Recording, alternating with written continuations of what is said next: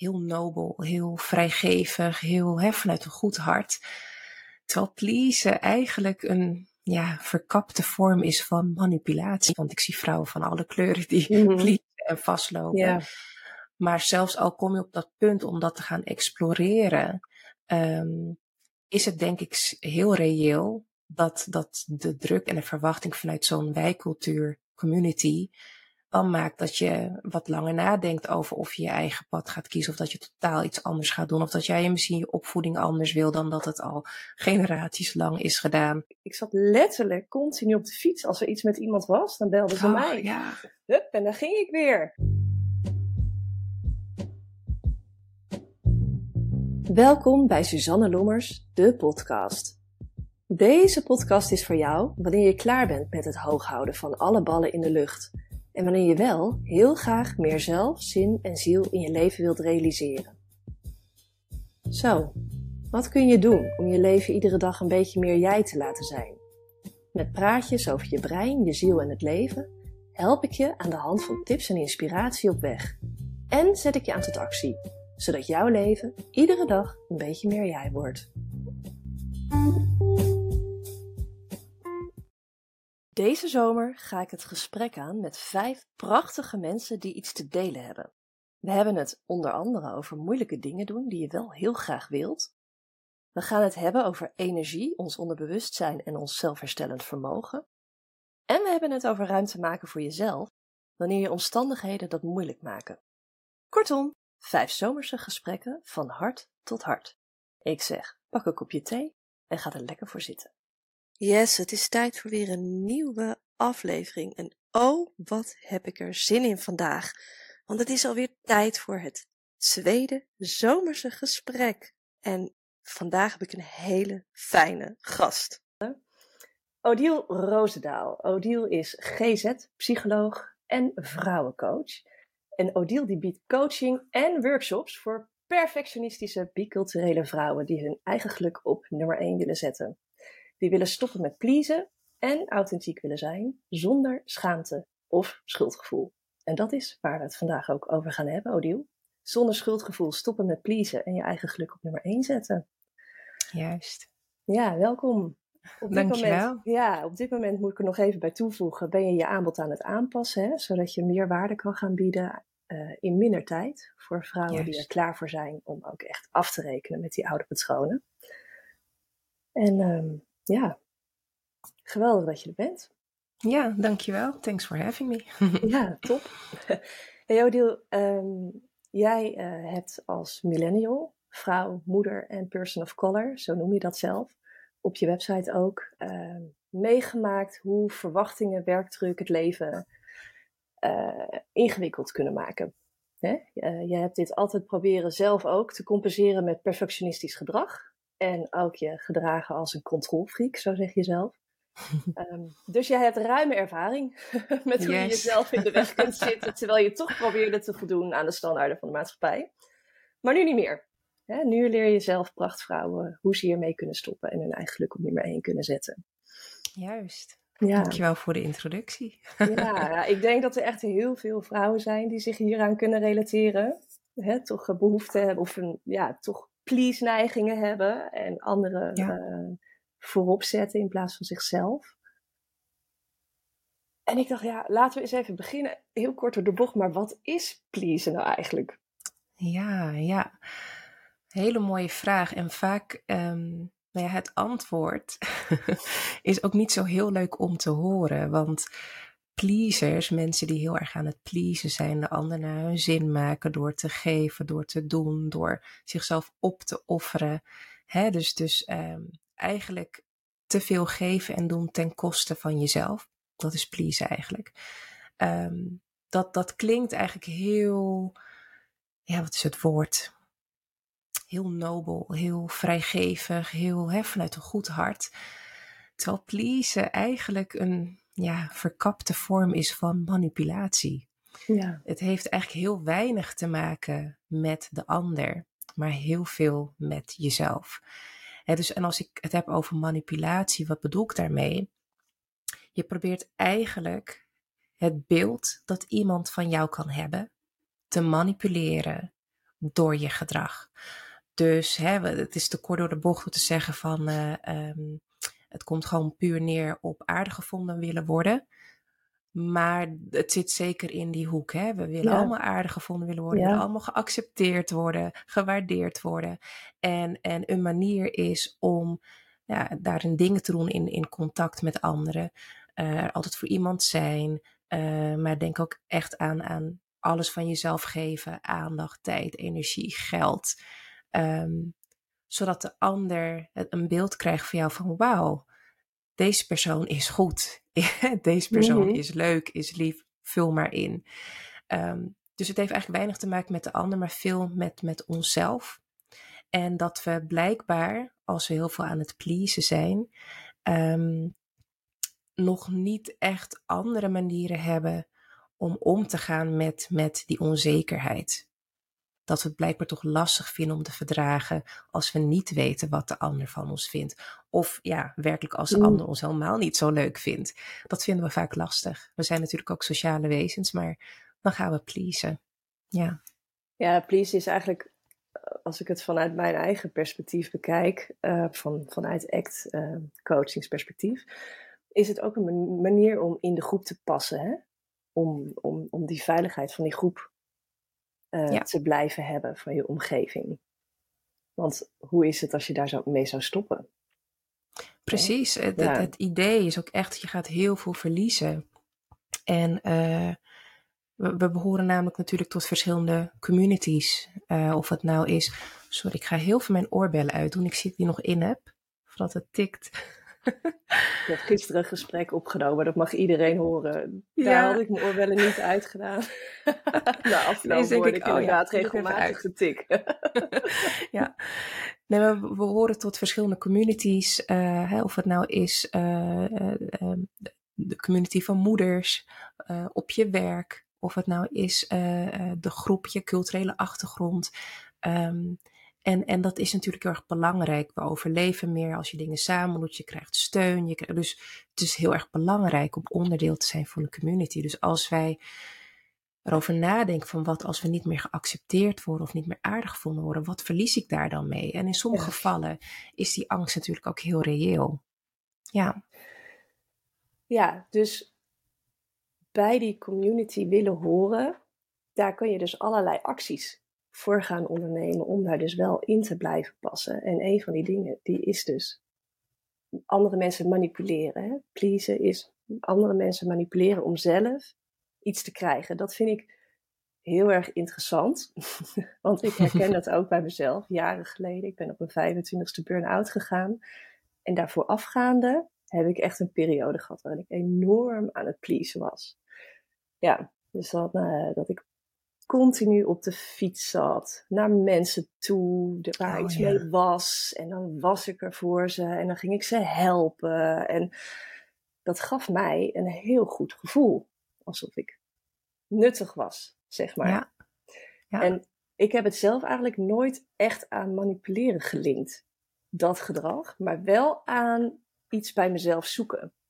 Ja dus iets, iets wat ik in mezelf mis en wat ik mezelf niet kon geven, dat ging ik dan zoeken in dat gedrag. Ja.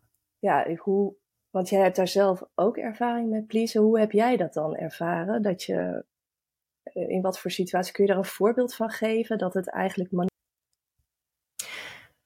In mijn geval zat het manipuleren heel erg in uh, alle bal in de lucht houden. En niet zozeer alleen voor mezelf maar ook um, voor de mensen om me heen. Dus, dus het beeld wat ik van mezelf had en wilde ja, goed houden. Dus, dus uh, het beeld wat ik voor mezelf had gecreëerd, wat ik wilde zijn als, als partner, als moeder, als werknemer, als zus, als dochter ook. Um, dat streefde ik eigenlijk na via, hè, door, door, door gedrag en keuzes maken dat meer buiten mezelf ligt. Dus, dus altijd op werk komen, ook al ben ik doodmoe. Uh, want want ik, ik, ik, ik heb dat beeld van mezelf, dat, dat ik een, een, ja, betrouwbaar ben en ik ben een, een goede hulpverlener. En dus ik moet er gewoon voor mijn cliënten zijn, ook al gaat het even niet. En, en dat mijn collega's op me kunnen uh, bouwen. Hè? Dus, dus het is eigenlijk een soort van indirect wil ik een beeld dat ik van mezelf heb gecreëerd, ja, zo goed houden. Maar ik doe dat op een manier dat inderdaad heel erg gelinkt is aan, aan acties. En, mhm. en dan ben je nuttig, dan ben je waardevol. Terwijl ben je ook waardevol als je een stapje terug mag doen. Wat in mijn geval moest het ook, omdat ik burn-out raakte. Ja, je werd gedwongen. precies, precies, weet je. En, maar denk ook aan, ehm, en, en ik denk dat het in mijn geval wat, wat genuanceerd is. Dus, dus niet zozeer van ehm, alles doen voor mijn ouders of mijn community, maar dat het soms juist ook kan zitten in dingen niet doen of uh, dingen niet laten zien uit respect voor de cultuur waar ik uitkom. Hè? Als het gaat om de vuile was buiten hangen, hoeveel mag je mhm. van jezelf laten zien? Hoe, in hoeverre mag ik mijn waarheid spreken? Hè? Wat, wat is geaccepteerd binnen de Surinaamse cultuur? Wat, wat um, uh, waar zijn mijn ouders oké mee met wat ik wel of niet laat zien? En dat ik in die zin eigenlijk mezelf toch ook een beetje in dat keurslijf uh, dwong van, nou ja, uh, ik heel erg gericht op prestatie, opleiding, een huis, nou al die dingen die heel meetbaar zijn, ja. maar van, van binnen toch aardig wat kosten aan energie en soms ook wel stress. En eigenlijk helemaal niet bij stilstaan van, maar ben ik hier ook happy mee? En ik wil niet zeggen dat ik al die tijd ongelukkig ben geweest, maar ik denk dat wij, vooral wij vrouwen, daar te weinig bij stilstaan en dat we te snel een soort van gebaande pad volgen, omdat we denken dat het zo horen. En ondertussen, vooral millennials nu bedenken, beseffen van, hé, hey, zo werkt het helemaal niet. Ik heb alles gedaan, ik heb alle hokjes uh, afgevinkt maar ik weet niet wie ik ben. Ik ben doodmoe, ik ben burn-out, ik, ik ben niet happy. Um, terwijl ogenschijnlijk zou ik het perfecte plaatje moeten hebben. Um, Dus dat maakt wel dat we inderdaad naar binnen moeten keren en kijken van hé, hey, wat doen we daarin? En soms zijn, zijn daar hele uh, grote live events of situaties die bijdragen aan, aan dit ja, lege gevoel. Maar soms zit het ook in hoe gaan we inderdaad om met anderen. En, en wat doen we in dat contact dat ons eigenlijk helemaal leeg trekt? En waarom doen we dat? En kunnen we dan op een andere manier um, ja, veel meer voldoening uh, uit relaties halen en hoe we naar onszelf kijken? Ja, mooi gezegd. Ja, en, en hè, want je zei van ik heb geprobeerd om binnen een bepaald keurslijf te passen van, van mijn cultuur, van mijn familie, van mijn werk dus dat zijn een heleboel verschillende plekken waar je probeert binnen te passen. Ja. En vooral die van, van, van cultuur en familie, die vind ik gewoon heel even heel interessant. Want was dat ook iets werkelijks, zeg maar? Of was dat een beeld in je hoofd? Ja, ik denk wel, um, ik denk allebei. Mhm. En Um, kijk, er zijn natuurlijk altijd verschillen per gezin, um, persoonlijke factoren, hoe moet ik het noemen? Er zijn, er zijn altijd die dingen die, die jouw gezinssituatie anders of uniek maken. Maar toch, als ik kijk naar vrouwen die komen uit culturen, meer wijculturen, um, mm -hmm. daar, daar, daar is er gewoon vaak toch wel wat meer druk als het gaat om uh, zorgzaam zijn, uh, voor de anderen zijn. Um, ja. Het, het, is gewoon minder individualistisch. En dus, dus dat is ook, denk ik, daar, daarin, hoe moet ik het zeggen? Als je in een meer individualistische cultuur opgroeit, denk ik dat meer inherent is dat je al sowieso veel meer kijkt naar, hey, wat wil ik? En ik wil niet zeggen dat dat voor alle vrouwen geldt, absoluut niet. Want ik zie vrouwen van alle kleuren die mm -hmm en vastlopen. Maar zelfs al kom je op dat punt om dat te gaan exploreren, um, is het denk ik heel reëel dat, dat de druk en de verwachting vanuit zo'n wijkcultuur community maakt dat je wat langer nadenkt over of je je eigen pad gaat kiezen of dat je totaal iets anders gaat doen of dat jij misschien je opvoeding anders wil dan dat het al generaties lang is gedaan. Um, er zit soms ook een, een deel van, um, hoe heet het, uh, nou, dat, dat oudere generaties of, of, of ouders afhankelijk van je kunnen zijn vanwege uh, een taalbarrière, noem maar op. Dus, dus wat meer loskomen en je eigen reis beginnen en onderzoeken wat belangrijk is voor jou, is denk ik wel wat lastiger als je uit een wijkcultuur komt. Dus dat is zeker wel reëel. Tegelijkertijd um, is het idee mm van wat inderdaad als ik iets anders ga doen, of als ik eh, ja, keuzes maak waar niet iedereen blij mee is, dat idee wat er zou kunnen gebeuren. Mijn ervaring is wel dat de angst vaak groter is dan de werkelijkheid. En daarmee bedoel ik zonder wrijving geen glans, absoluut. Hè? Dus het mhm. kan best zijn dat, dat het zorgt voor botsing of hé, hey, hier moeten we aan wennen.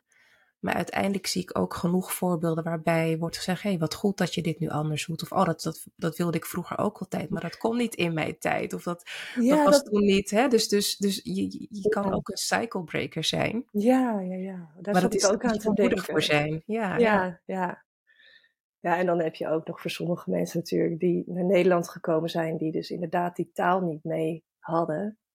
Waardoor het lastiger is geweest om voor zichzelf iets te doen. Maar dat betekent niet dat er ook wensen en verlangens in onze ouders zitten. Ja, ja. ja absoluut. Ja. absoluut. Ja, ik zou wel zeggen dat dit soort dingen gebeuren dus ook gewoon ehm, binnen de Nederlandse van origine cultuur. Bijvoorbeeld heel erg, je hebt ook van die hele conservatieve religieuze gebieden. Zeker. Waar ook heel erg veel meer die wijkcultuur heerst.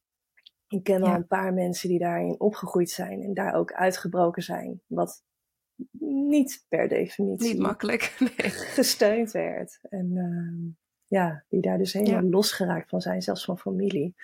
Ja, ja. ja en, daarom, hè, dus, dus soms is de angst zeker reëel, maar um, voelt iemand toch van dit is wat, wat mij staat te doen. Ja inderdaad, daarom zeg ik, het is, het is denk ik universeel. Ik denk dat het ook gewoon te maken heeft met vrouw zijn überhaupt, voor jezelf mogen kiezen.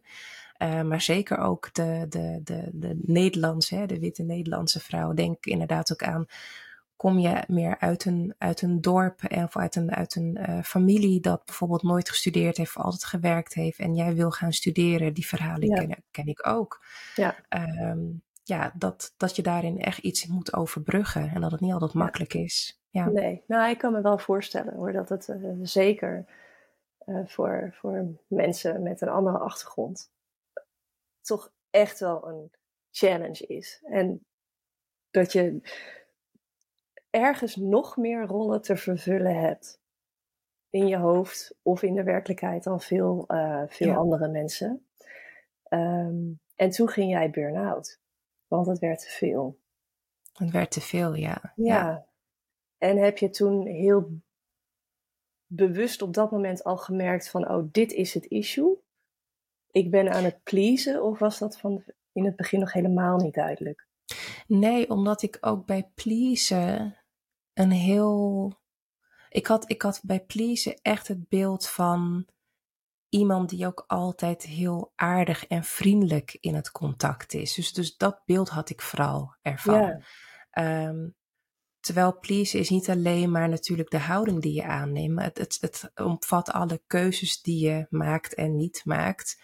Om, um, om eigenlijk een relatie stabiel te houden. Of wat het werkt. Of niet, hè? Dus, dus dat, dat, het, dat er geen wrijving komt. Dat het niet kapot gaat. Dus, dus, um, dus nee, ik had het in het begin niet door. En ik denk sowieso, nou dat weet je zelf ook als je burn-out raakt.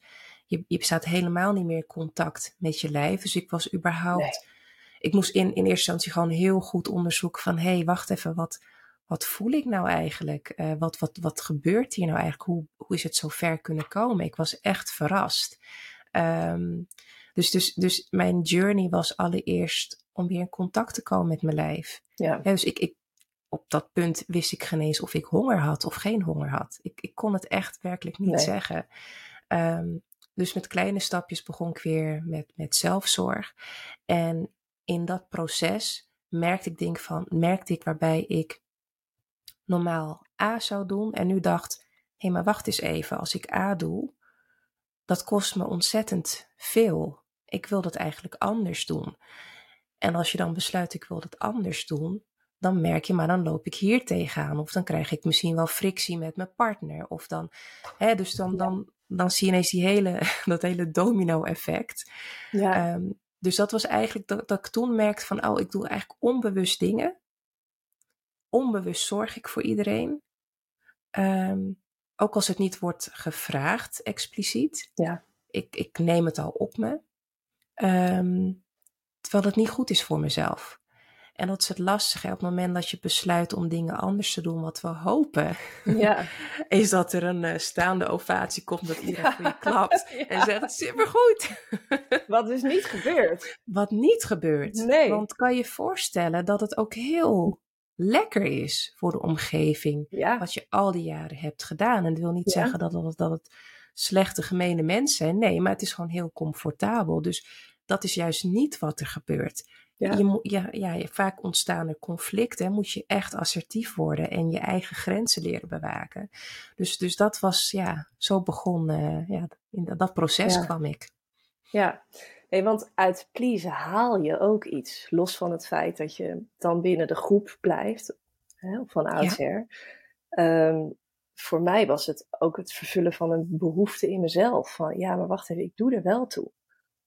Ja, Weet je wel, als ik, als ik, ik, ik op een gegeven moment echt vlak voordat het helemaal misging, dat heeft zich natuurlijk opgebouwd. Zat ik, ik zat letterlijk continu op de fiets. Als er iets met iemand was, dan belden ze Oh, mij. ja.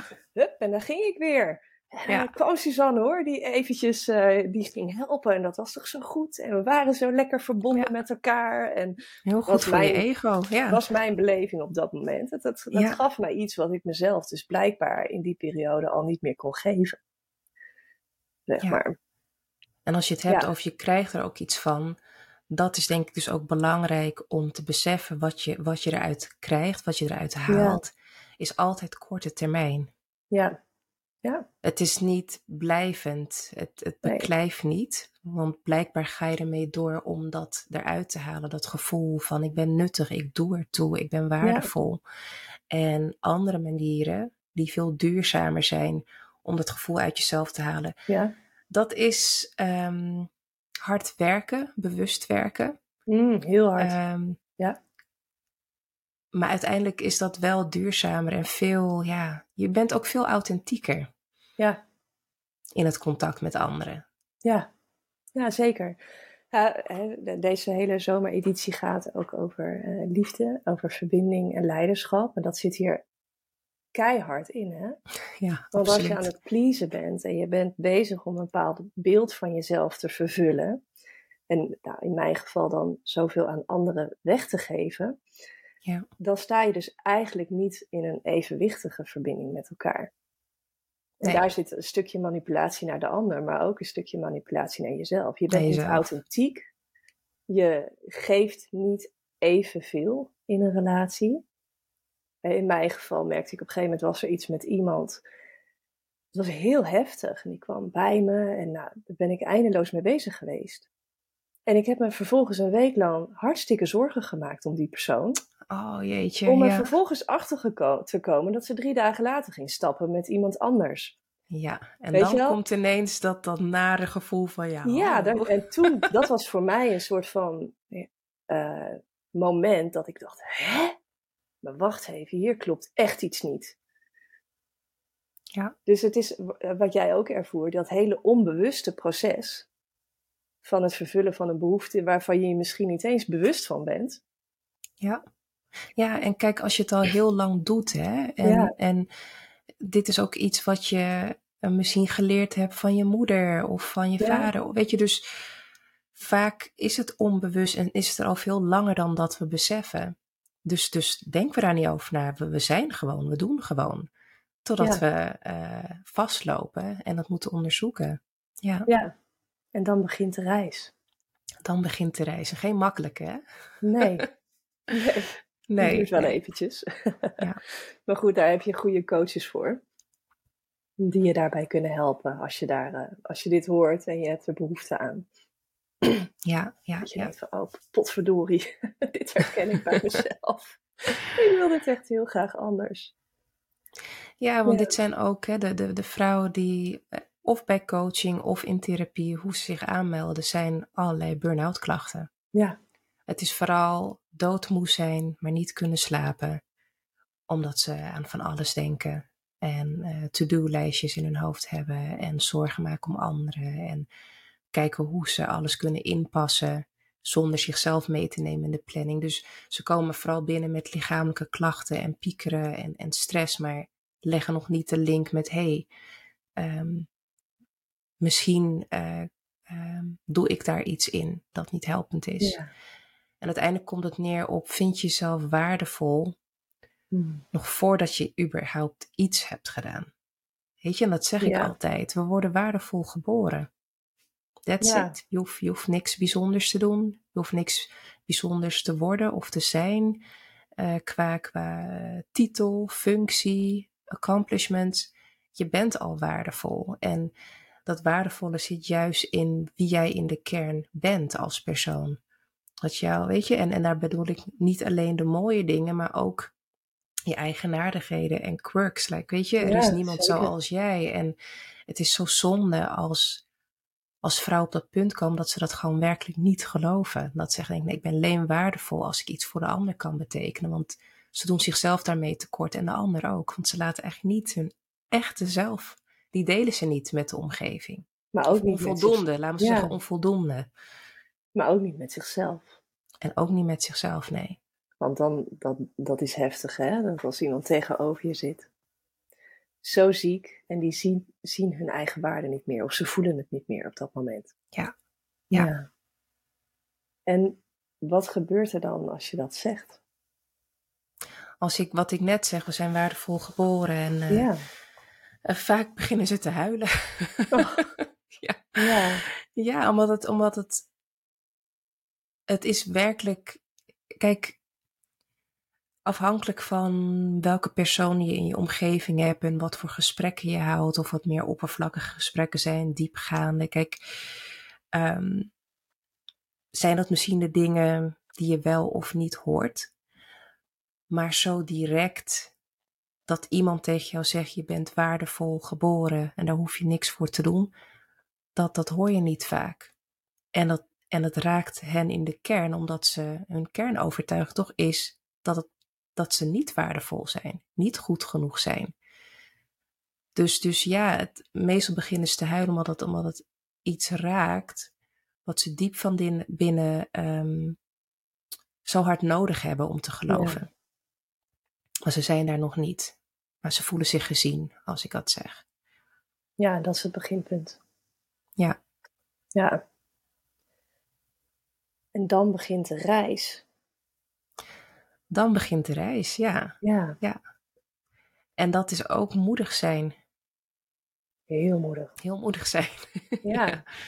ja. Ja, hè, dan ga je dingen anders doen dan je gewend bent. Anders doen dan je denkt dat je zou moeten doen. Of anders doen dan je denkt dan wie je zou moeten zijn. Ja. Ja. En daarin, vooral als je wat perfectionistisch bent aangelegd, en dat ken ik, want dat ben ik ook. Mhm. ik noem mezelf altijd een soort um, retired perfectionist, wat niet helemaal klopt, want ik, ik, ik ben het gewoon nog steeds. Um, maar je maar ik, ik heb er grip op. Laat me zo zeggen. Ik heb er grip op. Um, en even, even een zijstraatje, maar ik vind ook echt dat perfectionisme, ik denk vooral in de Nederlandse cultuur, als een beetje iets negatief wordt gezien. En daar denk ik anders over. Mm denk, als je bijvoorbeeld kijkt in de Amerikaanse cultuur, is het juist iets heel positief, perfectionistisch uh, zijn. En ja. Uh, dit is zoiets, het is niet goed of slecht. Het is de context en intensiteit en of je de grip hebt maakt, of het je helpt. Dus ik ben heel blij met mijn perfectionisme, want het heeft me heel ver gebracht. Heel goed. maar je moet het ook af die, die knop uit kunnen zetten. En uh, waar begon ik over perfectionisme? Oh ja, je zegt dan begint die reis. Um, ja. En als je een beetje perfectionistisch bent aangelegd, dan, dan kan het idee ontstaan van oké, okay, dus ik mag, ik ga het nu op deze manier doen. En dat betekent dat dat ik eigenlijk alles wat onzekerheid of iets activeert, dat mag er niet meer zijn. En dan ga ik slagen en dan gaat het goed komen. Ja. En dat is ook niet waar. Uh, ik heb ook een controlfreak in me. Ik heb een perfectionist in me. Ik heb, ik heb ook uh, mijn core wounds waarbij ik getriggerd word en ook nog steeds voel van, oh, ben ik wel, ja, ben ik wel iets waard? Hoe, hoe, ja, heb ik wel iets, heb ik wel iets te brengen? Dat zit ook nog in mij. En het hoeft niet allemaal weg. Het is denk ik gewoon belangrijk om, om het te herkennen ja. en daar de juiste waarde aan te geven. En dat hele zwart-wit denken, ja. wat perfectionistische vrouwen hebben, daar worden ze heel erg gechallenged om meer in grijstinten te denken. En ook te denken van, hé, hey, ik noem het altijd maar, um, zolang jij maar achter het stuur zit. Ik heb mijn controlfreak en mijn perfectionist, die zit, maar die zitten op de achterbank. Ja, en ik zit aan het stuur. Ja. En af en toe mogen zij ook rijden als het nodig is. Ja. Vorig jaar ging ik uh, naar een retreat in uh, Houston, Texas, uh, in Amerika. Toen mocht de controlfreak definitely achter het stuur zitten. Die ging vijf keer checken of ik alles had. Mijn paspoort en ik moest een coronatest. En ik moest op tijd zijn op Schiphol. Die mocht achter het stuur zitten. Ja. Want dat hield mij scherp. Ja. Um, en eenmaal in het vliegtuig mocht hij weer op de achterbank. Snap je? Dus het is ook leren van ja, we hebben allemaal onze geschiedenis en dingen meegemaakt. En onze persoonlijkheidskenmerken. Ja. Um, ja, die we in ons dragen. En dat is allemaal oké. maar het gaat om dat je grip krijgt en inzicht hebt in wat, wat die verschillende facetten van jezelf zijn. En daar grip op krijgen en daarmee leren spelen. Ja, ja want op het moment van uh, je bent waardevol. Gewoon waardevol, punt. Ja. En dan naar binnen gaan en dat voelen. En dan gaan kijken. Want als je zo druk bezig bent met pleasen de hele tijd, hè, dan, dan dat is extreem vermoeiend. Oh, ontzettend. Het is zo ongelooflijk vermoeiend. Ik heb dat echt toen de tijd, want het is voor mij nu al twintig jaar geleden, compleet onderschat. En dan, dan mag je dus jezelf gaan voelen met alles wat zich opgehoopt heeft in je lijf. En dan begint dus de ontdekkingstocht naar jezelf. Wat, wie ben ik nou? Hè? Hoe perfectionistisch ben ik perfectionistisch of niet? Heb ik een controlfreak in me? En geloof mij maar, als je pleased, dan heb je een controlfreak Dan krijg je die erbij, ja. Ja, dan krijg je die er gratis bij cadeau, ja. Ja, precies. Ja. En, en dan ga je dus al die facetten leren zien, die je misschien helemaal niet per se zo heel erg leuk vindt aan jezelf. Ja. En dan zit ook weer dat stuk van, je bent al waardevol. En ook dat ook dat mag er zijn. Absoluut. En ja. wat jij zegt is dus hè, inderdaad die achterbank. Je creëert een soort van ruimte hè, in jezelf op dat moment. Van hé, hey, ik ben dit. En daaromheen zijn al die facetten van mezelf. Precies. En die leren herkennen.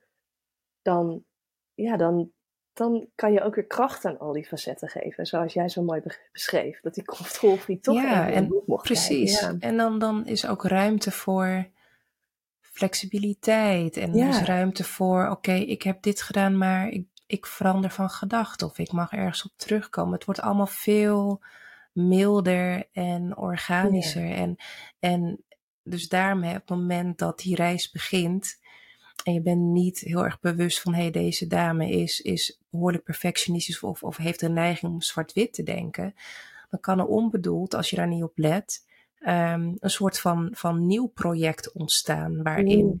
ze streeft naar perfectie en misschien heel extreem wordt in grenzen aangeven, maar daar ook niet gelukkig van wordt. Nee. Want het gaat, niet om, het gaat niet om nee zeggen, het gaat om de reden waarom je nee zegt. En dus, dus, dus, dus dat, ja, daar zijn geen trucjes voor. Er, er is geen, geen quick fix. Het is echt, you gotta do the work. ja, of, of weer vervallen in de valkuil van het pleasen binnen dit project. Ja, ja, ja. ja ook. Ja. ja. Zeker. Ja. Weet je. Ja, het, het doet mij ook een beetje denken, want perfectionisme was bij mij ook echt een issue. Extreem. Ik, heb, ik ben toen een tijd, ik was heel jong, ik ben toen in uh, therapie gegaan. Het was een hele traditionele therapie, zeg maar. Maar ook die therapie begon dus met pleasen. Ja, die, die man die, die zat daar en ik ging daarbij zitten. En hij hield vervolgens dus zijn mond. En ik was, eh, hij had wel al heel snel in de gaten dat ik eh, een Ja. vrij hoog opgeleide, slimme tante was die van alles in de gaten had, zeg maar. En, maar ik ergerde me groen en geel aan die man. Hij deed niks. Dus na een Ja. paar minuten, weet je wel, dan zat ik daar en dan dacht ik, ja, en eh, hoe gaat het? zei ik dan. Oh, wauw. En ik geloof dat we tien sessies verder waren. En ik was het zo zat. Zo zat. Echt, jongen. Het zat me zo, zo hoog. En toen kwam ik echt binnen en ik ging zitten. En ja hoor, daar ging die weer. Silent. Ja, ja. Wat maakte jou zo boos dan? Ik heb wel een idee, maar ik ben benieuwd. Nou ja, ik dacht, jij bent de therapeut. Ga me, je moet me een beetje leiding geven hier, zeg maar. Ja, Wat moet ja. ik doen? Ja, Weet je wel? geef me, geef me de opdrachten en dan En kan ik dat heel goed uitvoeren. Ja, ja. En dan ben ik af en klaar. Ja, dus ik go. zei dus op een gegeven moment echt, het liep zo hoog op, ik zeg, joh, zeg eens wat. Ja. en hij zei, oh, ja, ik zeg, ik vind het echt drie keer niks. En hij kijkt me aan, echt heel rustig, en hij zegt, goh, wat goed dat je dat zegt. Ja, Ja, en dat, toen had hij me echt. ja, Want ja, hij kon allerlei dingen met me doen. En ik was daar helemaal in meegegaan. En het was helemaal goed gegaan. En ik was een enorme pleaser dan geweest, was je de, zeg de- maar. was je de perfecte patiënt geweest. ja, exact. cliënt, ja. Ja, Ja. hij had me gewoon compleet te pakken. Ja. Ja. Ja, en dat was voor mij wel echt een realisatie van... De tweede please-realisatie, zeg maar. Van, oh, wacht eventjes. En natuurlijk ook heel veilig. Om zo'n reactie terug te krijgen, hè. Ja, Want het voelde absoluut. heel onveilig om het aan te geven. Ja. En dan, eh, ja, Wauw. Ja. Ja, Maar dat, dat, dat is ook, ik weet een ehm, senior psycholoog en psychotherapeut waarmee ik eh werkte een aantal jaar terug. Die zei ook altijd van, ehm, als er niet gehuild is in de sessie, dan heb je het niet goed gedaan. en hij zei, ik weet het is heel gechargeerd. Maar het komt wel op neer van, er, er, moet iets van emotie zijn. Als, als, je, als je een cliënt hebt, of een, of een klant in een coaching, ehm,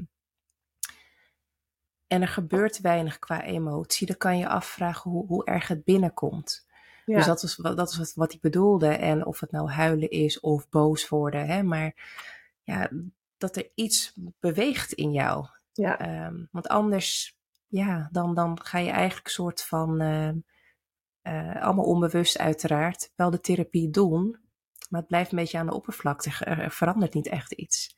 nee, Dus hij had alle geduld bij jou dus om eh, hè, na die, die, die tien sessies aan opbouw, om die emotie eruit te krijgen. Hartstikke goed, ja. ja, ja, grappig hè. En waar- waarom ik er eigenlijk op kwam is omdat ik daar ook dus leerde over perfectionisme. Dat je gewoon Ja. een beeld kunt hebben van ik ben aan het pleasen, ik ben goed aan het doen. Hè, En dat zo hard werken, dat perfectionistisch, dat zijn, dat controleren. Ehm, een waardevolle les voor mij was om te ontdekken dat mijn 100% voor heel veel andere mensen 300% is. Mhm. Hoe bedoel je dat? Nou, dat, dat ik zo mijn best aan het doen was om dingen zo goed mogelijk te doen. Ah, zo dat die lat Zo- echt de heel lat was hoog lag. Zo Ja, hoog, dat, Ja. waarvan ik dacht, dit is 100%. Als je dat vergelijkt met gem- gemiddeld, zeg maar, dat, Ja. dat, dat je eigenlijk dan op 300% zit. Dus dat het Ja. ook wel een tandje minder mag. maar en het is gewoon heel, ja, ik weet niet of verslaafd het juiste woord is, maar het, het versterkt zichzelf, hè? Omdat je, je bevestigt het beeld van als ik dit maar blijf doen, dan gaat het goed. Ja, En dat wordt ook vaak beloond door de maatschappij. Ja, dus, dus ja, dus, Enorm. dus je krijgt ook allemaal feedback dat, dat het juist is wat je doet. Ja. ja. En dan kom je dat soort dingen tot de ontdekking en dan ontstaat er dus die ruimte. Die ruimte om jezelf leiderschap te pakken en om liefde voor jezelf ook veel meer te gaan voelen. Dat gevoel van je bent het waard, sowieso. Je bent hoe dan ook waardevol. Dat contact daarmee versterken. Ja, en vervolgens als je dan voor jezelf een beeld hebt geschetst van hoe jij wil dat je leven eruit ziet. Mhm. Met je relaties en hoe, hoe je werk of je daginvulling. Ehm, dan, dan daadwerkelijk gaan leven is ook nog spannend. Terwijl Ja, ik, wat, wat ik altijd terugkrijg van, van de vrouwen is dat ze eigenlijk geen eens zo erg verrast zijn dat, dat ze daarop zijn uitgekomen. En wat ik daarmee bedoel, dat herken ik ook voor mezelf. Mhm. Als we dichter bij onszelf komen, als we meer onze intuïtie gaan volgen, als we meer gaan luisteren naar ons lichaam, naar, naar onze behoeften. ehm, en echt leven zoals wij willen leven.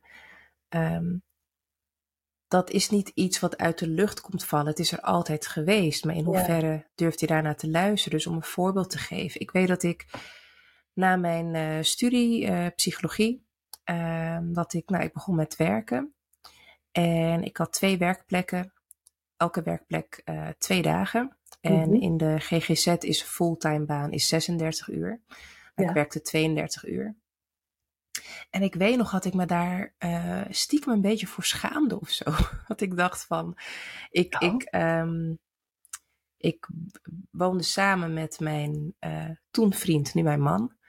Dus we waren twee verdieners, eh, Mhm. nog geen kinderen. En ik dacht ook van ja, dus we hebben gewoon voldoende geld en mijn vrijheid vind ik heel erg belangrijk. En in eerste instantie heel erg gericht op, ik, ik heb tijd nodig om tot mezelf te komen, om op te laden, om te, ont, te ontprikkelen. Mhm. Ehm, maar voor mijn gevoel was het wel altijd van, jeetje, is dat zwak van mij? Waarom werk ik niet fulltime? Ik ben, oh ja. ik ben net begonnen op de arbeidsmarkt. Ik zie iedereen alleen maar, hè, dat die hele, de grind, de red race en Ja. carrière maken en gaan, gaan, gaan. En is er misschien iets mis met mij? Mm. Terwijl ik denk ik toen al goed voelde, nee, dit past bij mij. En later werd het 28 uur. Nu werk ik 24 uur, 24 tot 28 uur per week. Ehm, omdat als ik goed naar mezelf luister, past dat bij mij. En Ja. als ik me daarmee, eh, daarmee kan rondkomen, helemaal prima. Ja. Maar het paste niet bij het beeld wat ik heb van een jonge vrouw die net afgestudeerd is en gaat werken. Ik heb ook niet dat voorbeeld gehad. Mijn ouders hebben altijd fulltime gewerkt. Ehm, dus, dus dat hele van je moed en overlevingsmentaliteit een beetje, ehm, dat, dat, dat past niet bij mij. Maar ik heb me daar wel in het begin voor geschaamd, omdat ik het niet begreep. Oh ja. En dan zat er ook boosheid bij, zeg maar van ja, maar dit moet ik gewoon doen en kunnen. Want eh, mijn beeld van werken in de GGZ is dat het behoorlijk heftig kan zijn. Hè? Je draait Ja. enorme dagen. Je ziet de ene patiënt na de ander.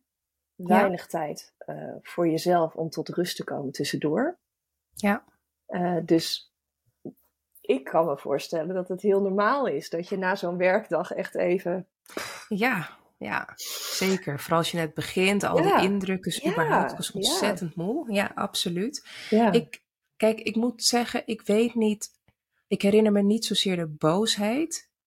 Ehm wil niet zeggen dat er niet was trouwens, hoor. want als Mhm. ik terugkijk aan, aan die periode, kon ik mijn boosheid denk ik sowieso minder goed voelen. ja, ja. Maar ik weet vooral schaamte en aan mezelf twijfelen van, ja, waarom lukt het anderen wel? Hè? Dan krijg je dat hele vergelijken met Oh ja. een soort van norm. En terwijl die bestaat niet echt, want de mensen die het wel halen, die zie je ook bij bosjes neervallen. Dus ik weet niet waar vergelijken we onszelf mee? Maar toch gebeurde dat.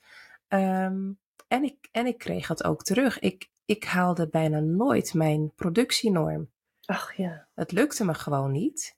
Ehm, door verschillende redenen, maar ook gewoon, ja, het, ik vind sowieso die normen niet reëel. Je werkt met mensen, je kan niet Ja. zeven, zeven cliënten per dag zien. Eh, ik ben geen machine, hè. Als Nee. psychologen, wij zijn onze tool. Ehm, maar ik, dat, dat lukte me niet, niet echt. En op een gegeven moment lukte dat wel. En ik weet nog wat mijn leidinggevende zei van, kijk, je hebt je normen gehaald, die productienormen, dat heb je heel erg goed gedaan. En dat ik toen dacht, oké, maar ik was echt helemaal kapot deze Oh maand. ja. En ja. dat ik toen dacht, oké, dus als ik de normen wel haal, dan blijkbaar kost het heel veel van mezelf. Misschien ben ik niet gemaakt voor dit werk, dus heel veel meer aan mezelf twijfelen. Ja. Terwijl later dacht ik, ja, wacht eens even. Ik vind die hele GGZ hartstikke ziek. Wat er wordt verwacht van ons. En nu werk ik voor mezelf, op mijn eigen voorwaarden. Het aantal cliënten dat ik wil zien, op mijn tijden. En ik neem zo lang pauzes wat ik wil en dat ik nodig heb. Dus ik heb het nu naar, mijn, naar mij gevormd. Maar vroeger dacht ik echt, er zal iets met mij mis zijn. Ja. Ja. Ja, en dan die realisatie. En dan het anders gaan doen. En dan het anders gaan doen, ja. Uh, met je werk. Dus besluiten van, ik ga die stap zetten. Van die enorme productiemachine naar zelfondernemerschap. Maar ook binnen je familie en binnen je cultuur. Heb je daar ook een voorbeeld van? Van hé, hey, ik, ehm, zo dacht ik dat, dat ik moest zijn en zo heb ik het heel lang geprobeerd. Maar een dingetje, ja, want ik denk dat er heel veel mensen luisteren die ook meerdere achtergronden hebben. Mm kun je daar iets van benoemen? Hoe, Oh, sorry. Um, Even kijken, iets concreets hoor. Geef me heel eventjes. Ja maar prima. Ik overval je ermee.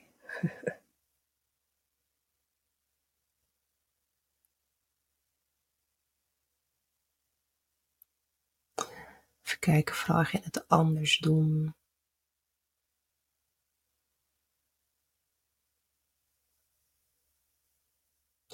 Nou ja, bijvoorbeeld als ik kijk naar um, wat ik anders wilde in mijn gezin. Mm en het is natuurlijk ook allereerst nog een beetje gelinkt aan die herstelfase uit een burn-out komen. En dan beseffen, oké, we waren ook net verhuisd naar een grote eengezinswoning, geen appartement meer. Mhm. Twee kinderen in plaats van één kind.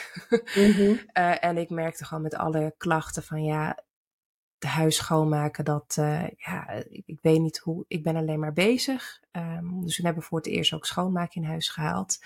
Um, waar ik me in eerste instantie ook voor schaamde. Ook het beeld van, ja, maar als je gezond bent, fysiek, dan moet je het gewoon doen. En mijn, mijn ouders hebben dat ook gewoon altijd maar gedaan. En nog met een fulltime baan. En nog eens met drie kinderen in plaats van met twee kinderen. Hoe hebben ze het dus gedaan? ja, ik, ik weet nog steeds niet hoe ze het hebben gedaan. Nee, ik ook niet. ik ga dat nooit weten. Nee. Um, maar dus, dus, dus allereerst praktische veranderingen, mm-hmm. maar ook um, luisteren naar wat ik emotioneel nodig heb. En wat ik voorheen deed. Ik, ik ben best sensitief als persoon. Uh, los van hoe moe ik was of iets, als er een feestje of iets er toch altijd zijn. En tot het einde. En nu maakte ik bijvoorbeeld keuze om, om, om te zeggen van, uh, hey, ik, ik ben er een uurtje. Of dat ik uh, bij vrienden van ons tegen mijn man zei, ik ga dit keer niet mee, want ik voel gewoon, ik ben heel moe en het overprikkelt me. Um, dat waren nieuwe keuzes die heel simpel of heel klein klinken, maar op dat moment heel groots voelden. Ja. Omdat ik steeds vaker nee moest zeggen, vooral tegen, bij, bij sociale activiteiten, om ja tegen mezelf te mogen zeggen. En hoe, als je zelf nog heel erg aan het ontdekken bent en aan het leren bent wat burn-out is en hoe dat werkt en wat je nodig hebt. In eerste instantie voelt het alsof je iemand constant afwijst. Ja. Terwijl het is niet wat je doet, maar zo voelt het wel. Dus dat, dus dat maakt het, vond ik heel erg lastig om te doen. Maar dus dat, praktische uh, veranderingen, uh, eigenlijk vaker nee zeggen. Uh, dat vooral in het, in het gezin en als het gaat om, om vrienden. Um, ja, ik, ik moet heel veel nadenken als het gaat om, om echt mijn, mijn uh, familie, ouders, dat. Nou ja, omdat jij natuurlijk meer in een wijkcultuur bent opgegroeid. En misschien heb ik het mis, maar als je dan zo'n stap maakt, dan ga je ook even naar ik. Even naar binnen, naar jezelf. Hoe, hoe sta ik hier nou in? En wat wil ik en wat kan ja. ik? Ja, en dat klopt. kan botsen, het hoeft niet. Ja, ja. Kijk, er zijn um, uh, veel, veel vrouwen die in een uh, die een community hebben die ook groot is. Uh, dus als het gaat om familie, extended family. En, en hè, dat, dat is ook in de Surinaamse cultuur. Uh, iedereen wordt tante genoemd, ook als het niet ja. zeg maar blood related. Dus, dus, dus dat is dus, dus dat. Ja. Um, en wat je zegt inderdaad mooi, maar soms ook beklemmend. Um, hoe ik ben opgegroeid is dat ik dat ook had, maar wat minder. Okay. Omdat veel van mijn familie ook in Suriname is. Um, en ik dus daar sowieso tijdens het opgroeien altijd al een beetje ja, met één voet in de Surinaamse Mm. cultuur, met de andere in de Nederlandse cultuur. En er fases zijn geweest waarbij ik veel meer kon identificeren met die individualistische manier van leven en andere en op andere gebieden meer met dat, dat samen en wat is, ja, wat is belangrijk om, om samen te doen en er voor elkaar te zijn. Um, tegen die tijd dat ik burn-out was geraakt en andere keuzes moest maken, zat ik wel al langer in een fase waarbij, um, ik het zeggen, wat meer afstand was, minder verwachtingen, omdat ik ook mijn eigen gezin heb. Hè? Dus, dus, dus Ja. ook in die zin al wat meer begrip. Um, maar zeker waren daar ook keuzes in die mijn ouders en met name meer mijn moeder niet zo goed begrepen. Of dachten van ja, dat is dan niet sociaal. Of dat is Mm. niet zo Surinaams, werd dat dan genoemd. Oh of, ja, oh ja. Hè, dus, dus, dus dat op die manier kunnen zien. Terwijl vanuit mijzelf gezien ik juist dacht van, maar ik, ik kies nu voor zelfzorg. Ja. En, en zij niet helemaal kon begrijpen. Ik denk dat daar zit dus ook niet alleen um, uh, cultuurclashes, maar ook gewoon verschillen in, in persoonlijkheid. Ja, zeker. Bij mijn moeder heel erg extravert is, heel sociaal is. En ook iemand is die zich juist oplaat uh, Mm. op feestjes en, en drukte en dat soort dingen. Ja. Uh, en ik mezelf eigenlijk een soort van sociale introvert noem. Ik ben ook altijd wel sociaal en ik hou van dingen. Ik ben ook iemand die echt daarna terug moet trekken en moet opladen. Dus, Ja. dus daar zit een soort van ja, een misunderstanding die ik niet altijd kon overbruggen. En, Nee. en veel meer um, ging afbakenen van ik kan wel komen, maar van zo laat tot zo laat. Of we gaan het zo of zo doen. Uh, en, en dat vond zij, ja, met name mijn moeder, wat lastig om te begrijpen. Mijn vader was wat meegaander. Um, dus, dus, dus daar is, en dat is denk ik wat, wat meer nuances, Ja. maar wel voelbaar tussen ons. Ja, Ja. Nou ja, het is dapper, wat we al eerder zeiden, hè? om, om zo'n stap te zetten naar jezelf. ja Dus- zeker. Dus als we even teruggrijpen op, uh, hè, op een gegeven moment gaat het mis, dat pleasen, dan word je oververmoeid. Vaak, vaak gebeurt het met een burn-out. Dan kom je bij iemand terecht zoals jij en dan hoor je, ik ben waardevol. Ja, En dan start het hele proces van ruimte voor jezelf gaan zoeken, maar ook wie ben ik? Welke aspecten van mij zitten er allemaal in die auto? En horen er niet aan het stuur, maar mogen af en toe Ja. wel rijden. ja, Uh, er zit een stukje uh, compassie naar jezelf in wanneer je in zo'n proces zit. Want het is ontzettend pittig. Het vergt heel veel dapperheid, maar het vergt ook veel steun van jezelf. Ja. En van de mensen om je heen. Ja, ja, Ja. absoluut. Wat niet altijd het geval is, omdat je juist bezig was met pleasen. Dus al die mensen hebben een bepaalde verwachting en een bepaald idee bij jou. En dan Ja. ga jij ineens zeggen, ho. Ja, dus ook een dit stukje rouw, hè? Ja, er zit ook een Want dat zeg ik ook in. altijd. Het zijn Ja. de mensen die, die, die om jou geven, die het best met jou voor hebben, die zeggen: Ja. Wow, goed van je. Hè? Maar Ja. je ziet helaas ook met dit soort dingen dat relaties kapot gaan, dat vriendschappen verwateren, omdat je niet meer zo useful bent voor de ander. Dat is Nee. behoorlijk pijnlijk. Omdat Ja. je al die uren erin hebt gestopt met, met, ja, met goede bedoelingen. Dus Ja. Ja. dat zit er ook nog bij. Ja. Ja. En dan ga je dus die stapjes zetten. Die veranderingen, stapjes. En hoe, hoe ik dat doe in de coaching. En ik vind het heel erg mooi hoe je het samenvat. Want als je het zo noemt, denk ik dat is best veel, hè?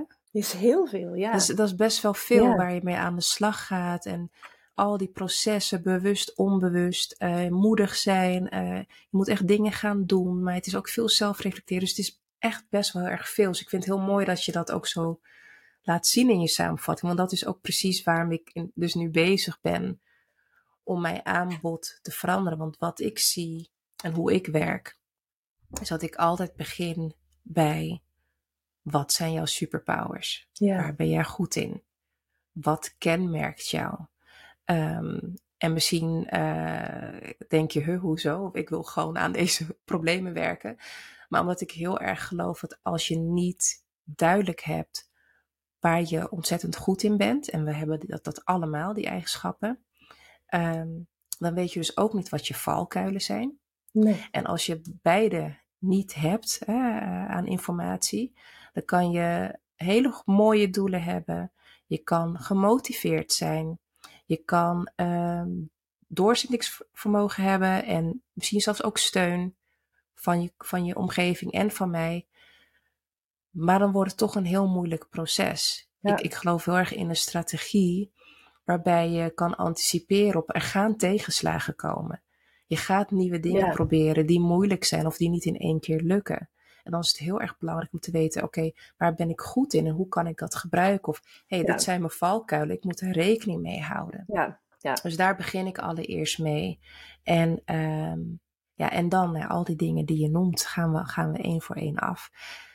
Maar goed, dat is dus veel. Dus daarom dat ik nu ook ja, mijn aanbod groter wil maken. Omdat ik denk, oh, er is... Ja. Als ik zie wat de impact is op vrouwen, nu denk ik, wauw. Maar ik denk, die kan nog veel groter. Die kan nog veel groter. En ik gun dat elke vrouw. Omdat, ja, ik geloof echt dat als wij vrouwen op ons best zijn... Ja, is het een warm bad voor de omgeving. Dat is het echt. En voor dan, jezelf. En voor jezelf. Maar dan, ja. dan heeft op, op alles een positieve uh, impact. Dat geloof ik echt. Amen. Amen to that, ja. Ja, echt. ja, ja. Maar het begint bij jezelf. Het begint bij jezelf. En wat, wat, wat zo mooi is, en zeker als je kinderen hebt natuurlijk, of sowieso vrienden in je omgeving, als jij die stap zet en als jij het anders gaat doen, dan dan creëer je dus die ripple effect. Juist. Zelfs onbewust. Dat, dat, hè, dat, dat je kinderen ineens dat oppakken en dat ook anders doen, zomaar. Ja, Van de een op de andere dag. En uh, ja. in de tijd werkte ik nog op een heel ander vakgebied. Ik werkte in de wetenschap. Ik was uh, aan het promoveren. En ik had daar een collega en jaren later hoorde ik van hem, ja, maar jij was de enige bij ons die nee zei tegen dingen. Mm. Jij was, de, de, de, dat, dat had ik dan op een gegeven moment mezelf geleerd. Van ja, Ja. net als wat jij had bij de GGZ. Ik kan dit niet. Ja. De druk in, eh, op de universitaire wereld is heel groot. Oh ja, Dus de academische wereld is echt ja. heel Zo damaging. gebrek ja. aan mensen, zoveel ehm, nood aan resultaat en prestatie. Het is echt ongelooflijk. En ik zag mensen om me heen, nou echt, werken tot elf uur 's avonds. Ja. En maar doorgaan en maar doorgaan. En ik kon dat dus letterlijk niet meer. En ik ging nee zeggen. Ja. Iets wat voor mij was, om mijn ruimte te creëren. Maar uiteindelijk merk je dan dus dat, dat om je heen van alles gebeurt waar je jezelf ineens in eerste instantie helemaal niet van bewust bent. Precies. So Ja. amen to that. Ja, ja, je inspireert anderen zonder, zonder dat je het doorhebt. Ja, je Ja. ge- geeft anderen eigenlijk toestemming om zichzelf toestemming te geven om nee te zeggen. We- daarom is representatie ook altijd zo belangrijk. Je, je- we weten het vaak al wel, maar je moet het ook zien. Ja. En dan moet je het zelf doen, maar het is ook fijn als je het kan zien. Dat je ook weet, het bestaat. En, en dat kan goed aflopen Ja. als ik nee zeg. Ja. En, en dat wanneer jij verandert, je directe omgeving niet anders kan dan ook veranderen. Precies, ja. Dat gaf jij ook zo mooi aan. Als jij in je gezin anders gaat doen, dan kan het niet anders dan dat je man daar iets mee moet. En je kinderen. En bij je ouders prikkelt het van alles. Ja, Dat, dus daar, ook daar verschuiven, dat is allemaal energie. Het verschuift allemaal. ja. en jij weet daar eh, alles van vanuit de ACT, hè, de Ja. Acceptance and Commitment. Verdragen. ja, Verdragen ook. En, en Ja. ehm, dat het niet altijd makkelijk of fijn is. Nee. Of ideaal is. Nee. Hè, maar verdragen dat een ander dat dus misschien niet prettig vindt of ingewikkeld vindt. Ehm, en dan alsnog kunnen blijven staan en, en voelen van, maar dit, dit is nu goed voor mij. Ja. ja, en ik weet niet hoe dat met jou zit, maar ik begeleid mensen dus ook letterlijk in dat soort situaties. Oké, eh, je wil het anders voor jezelf. Wat ga je tegenkomen? Weet je, hoe, hoe, hoe ga je dat doen? Dus oké, je gaat dat gesprek hebben. Oké, dat is niet makkelijk. Want je bent het altijd gewend om het zo te doen. Dat was de uitkomst. Maar nu wil je een andere uitkomst. Ja. Dus hoe ga je dat dan, hoe ga je dat dan doen? Dat gesprek. En wat ga je tegenkomen? Welke gedachten ga je tegenkomen? Ik ben niet goed Absoluut. genoeg. Dit gaat me niet lukken. Het gaat altijd mis. Uh, nou, die gaan geheid komen. je emoties gaan geheid komen. Dus die stapjes, zo klein als ze zijn, zijn mega. Die zijn mega groot. Omdat Absoluut. Je, ja, omdat je ondertussen al die dingen die je geleerd hebt over jezelf. Precies. Moet inzetten op dat moment om het ook daadwerkelijk anders ja. te doen. Het is niet alleen dat stapje nemen, het is inderdaad dealen met alles wat er door je hoofd heen gaat. De weerstand, de angsten. Ja. Kleine stapjes zijn heel groot. En zo rewarding. Ja, zeker. Ja, en precies dat wat je zegt, hè, dat, dat, dat dat, dat is ook juist het mooie van coaching, dat je dat echt kan voorbereiden samen. Ja. Ehm, en waar ik ook vaak op ga zitten, is dat altijd weer even stilstaan bij uh, dat stukje controle. Mm dat, dat, dat we eigenlijk hebben heel weinig controle in het leven. We willen er heel veel van, maar we hebben eigenlijk heel weinig controle. En, en daar bewust van worden van, hé, hey, waar heb je wel controle over en wat niet? En dat waar je geen controle over hebt, hoe kan je dat gaan loslaten? En vaak heeft dat namelijk te maken met de uitkomst. Als we hè, inderdaad, je gaat het gesprek aangaan, of het nou is met je werkgever of een collega of met je partner, iets moet er veranderen, of je hebt ergens last van, of je wil ergens naartoe, wat het ook is. Ehm, wat ik vaak hoor is van, ja, maar dan wil ik het gesprek aangaan en dan, dan wil ik dat hij dit en dit en dit. En dan wil ik dat zij mij begrijpt. En dan wil ik dat zus. En dan zeg ik heel goed dat je dit uitspreekt. Want dan kan ik meteen een reality check met je doen. Je hebt geen controle over, over hoe de ander reageert, hoe het bij de ander binnenkomt, hoe die zich voelt, of er überhaupt een reactie komt. Ja. Dus wat kan dan wel de intentie zijn van het gesprek? Kan de intentie al puur zijn: ik wil mijn stem laten horen. Ik wil laten weten dat dit belangrijk is voor mij. En vervolgens doen we er een beetje positieve psychologie bij. hey, wat kan het opleveren? Want we kijken nu vooral naar wat er mis kan gaan, maar het kan ook iets moois opleveren. Ja. En dan halen we je superpowers erbij. Dus oh, iemand die heel goed is, die sociaal intelligent is, of heel erg goed is in, in uh, communicatie of humor als, als uh, kracht heeft. Dus, dus het is inderdaad zo'n voorbereiding van één gesprek. Nou, dat, dat is er zitten zoveel lagen in. Ja. En als het dan lukt, inderdaad, nou, dat is een succeservaring. Ja, dat is mega. Is mega. Die, dan heb je een stap gezet voor jezelf. En dan ben je weer een beetje dichter bij een nieuwe overtuiging van oké, blijkbaar ja. kan het anders, blijkbaar mag het anders. Nou, misschien dat het ook nog goed gaat uitpakken. Ja, en moet je eens voelen hoe het voelt. Dat Juist. dit is gelukt voor mij. Ja. Mooi. En op een gegeven moment, na stap 5, na Tina, dan zie je ze gaan als een uh, trein. En dan is het meestal, waar heb ik het eerder gedaan? Het wordt steeds makkelijker. Het wordt makkelijker en leuker, ja. ja. Steeds leuker, ja. Ja, en hoe zie je de toekomst voor je met je meer omvattende aanbod? Ja, ik zou dus echt aan het begin, um, ik ga dat nog uh, allemaal ontdekken. Maar waar ik wel al een tijdje mee speel, is dit wat ik te bieden heb in mijn coaching. Maar ook wat ik doe vanuit de therapie. Ik denk, ik wil dat gewoon allemaal uh, erin gooien. Uh, binnen een redelijk korte tijd. Uh, dus, dus denk aan een traject van ongeveer drie maanden, zoiets. Omdat ik ook geloof in, hè, we, we, ik geloof dat dat groeien, dat heeft tijd nodig. Ja. Dus zeker na drie maanden ben je niet af. Groeien, dat doe je je hele leven lang. Uh, maar ik geloof wel, vooral als je heel erg gemotiveerd bent en echt ready bent van oké, ik wil dit gaan doorbreken, ik wil dit anders doen.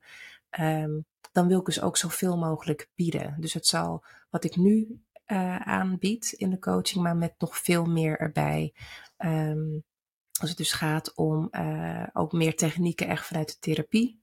Um, maar denk ook aan een stukje uh, entertainment. Ik hou heel erg van wandelen. Ik hou erg van reizen. Mm. Uh, ik hou erg van, van eten en lunchen. En, hè, dus, dus ik wil echt een experience creëren waarbij um, de dames ook echt voelen van ik, ik, kom, ik kom in een omgeving waarbij ik alle steun krijg. Oh, ja. En via verschillende invalshoeken nieuwe inzichten ga opdoen en gesteund wordt om andere keuzes te maken.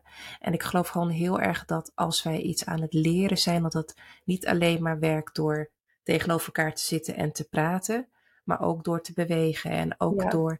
Hè, dus, dus denk ook aan kunst. Dat kan ook zo op een andere manier binnenkomen. Dus ik, ja. ik weet nog niet precies hoe het eruit ziet, maar ik, uh, zodra het meer duidelijk wordt, zal ik er natuurlijk uh, wat over delen. Ja, heel graag. Ik ben heel benieuwd. Ja. Hey, Odile, waar kunnen de mensen die luisteren jou vinden? Wanneer ze met je in contact willen komen. Ja, ja. Uh, ik zit op Instagram, mijn website. Mijn website is www.fem-journey.com. En fem is F-E-M. Uh, dat staat dus gewoon voor vrouw, vrouwenreis, want die maken we allemaal. Ja. Um, en dat gaat dus mogelijk wel veranderen in de toekomst, uh, de benaming. Uh, maar daar ben ik nu te vinden op Instagram, op uh, LinkedIn, Facebook. Google gewoon mijn naam en dan kom je er vanzelf. En dan kan je ook wel een beetje op mijn website en op mijn kanalen zien wat ik tot nu toe een beetje heb gedaan en waar ik voor sta. Ja, nou ik zal zeker de links in de show notes van deze aflevering zetten. Zodat iedereen je heel makkelijk kan vinden. Um, ja, en dan wil ik vooral even zeggen tegen, hè, wanneer je het geluisterd helemaal tot nu, wat fantastisch, wat fijn dat je erbij bent vandaag bij dit gesprek. Um, is er iets wat jou inspireert, wat je heeft geraakt? Ja, Odile en ik zijn daar heel benieuwd naar. Dus uh, neem gerust contact met ons op via Instagram. Stuur ons een DM of deel het in je stories en tag ons zodat we het ook echt kunnen zien en lezen. Um, ja, het is een hele reis om te maken. En uh, ja, we, we, we, zijn gewoon heel benieuwd en we horen het gewoon heel graag. Toch? Ja, is er nog iets wat jij ter afsluiting wilt zeggen? Um, is er nog iets wat ik ter afsluiting wil zeggen? Ja, misschien lekker een beetje provocerend op het uh, einde, omdat ik weet dat de vrouwen die mij volgen en, en uh, die ik begeleid, die, um, die noemen heel vaak op het moment dat ze gaan veranderen en andere keuzes gaan maken, zeggen ze: Ik vind dat zo egoïstisch van mezelf. ja. En daar wil ik op zeggen: hartstikke goed, want ik zie egoïsme als iets positiefs. En dan denk ik misschien, huh? Maar dat meen ik serieus. Als wij allemaal wat egoïstischer zouden zijn, onszelf eerst op nummer 1 zetten, ons geluk, onze gezondheid, nou, dan zijn we zo vol en zo happy, waardoor we weer kunnen geven aan de hmm. mensen uh, om ons heen. Ja. Dus, uh, dus als je voelt, oh, dit voelt een beetje egoïstisch, misschien ben je op de juiste weg. Ga zo door. Mooi. Mooi, dankjewel. Jij ja, bedankt. Ja, dit was het weer voor vandaag. Ik hoop dat je genoten hebt van deze aflevering. Wat je ook doet, waar je ook bent, ik wens je toe, maak je leven iedere dag een beetje meer jij. Bedankt voor het luisteren en tot de volgende. Heeft deze aflevering nu iets bij je losgemaakt en wil je weer blij zijn met jezelf en je leven? Geef je dan op voor een vrijblijvend gesprek, zodat we het er even over kunnen hebben. Je zit nergens aan vast en je krijgt gegarandeerd haakjes aangereikt om mee verder te kunnen. En wil je weer in balans komen, mentaal, fysiek, emotioneel en spiritueel? Wil je weer op je levenspad gezet worden of daar een versnelling in ervaren? Ik heb ruimte gemaakt voor healings en reconnections deze zomer. Aanmelden voor een gesprek en voor een healing doe je via, de link onderaan deze aflevering. Heb een hele mooie zomer.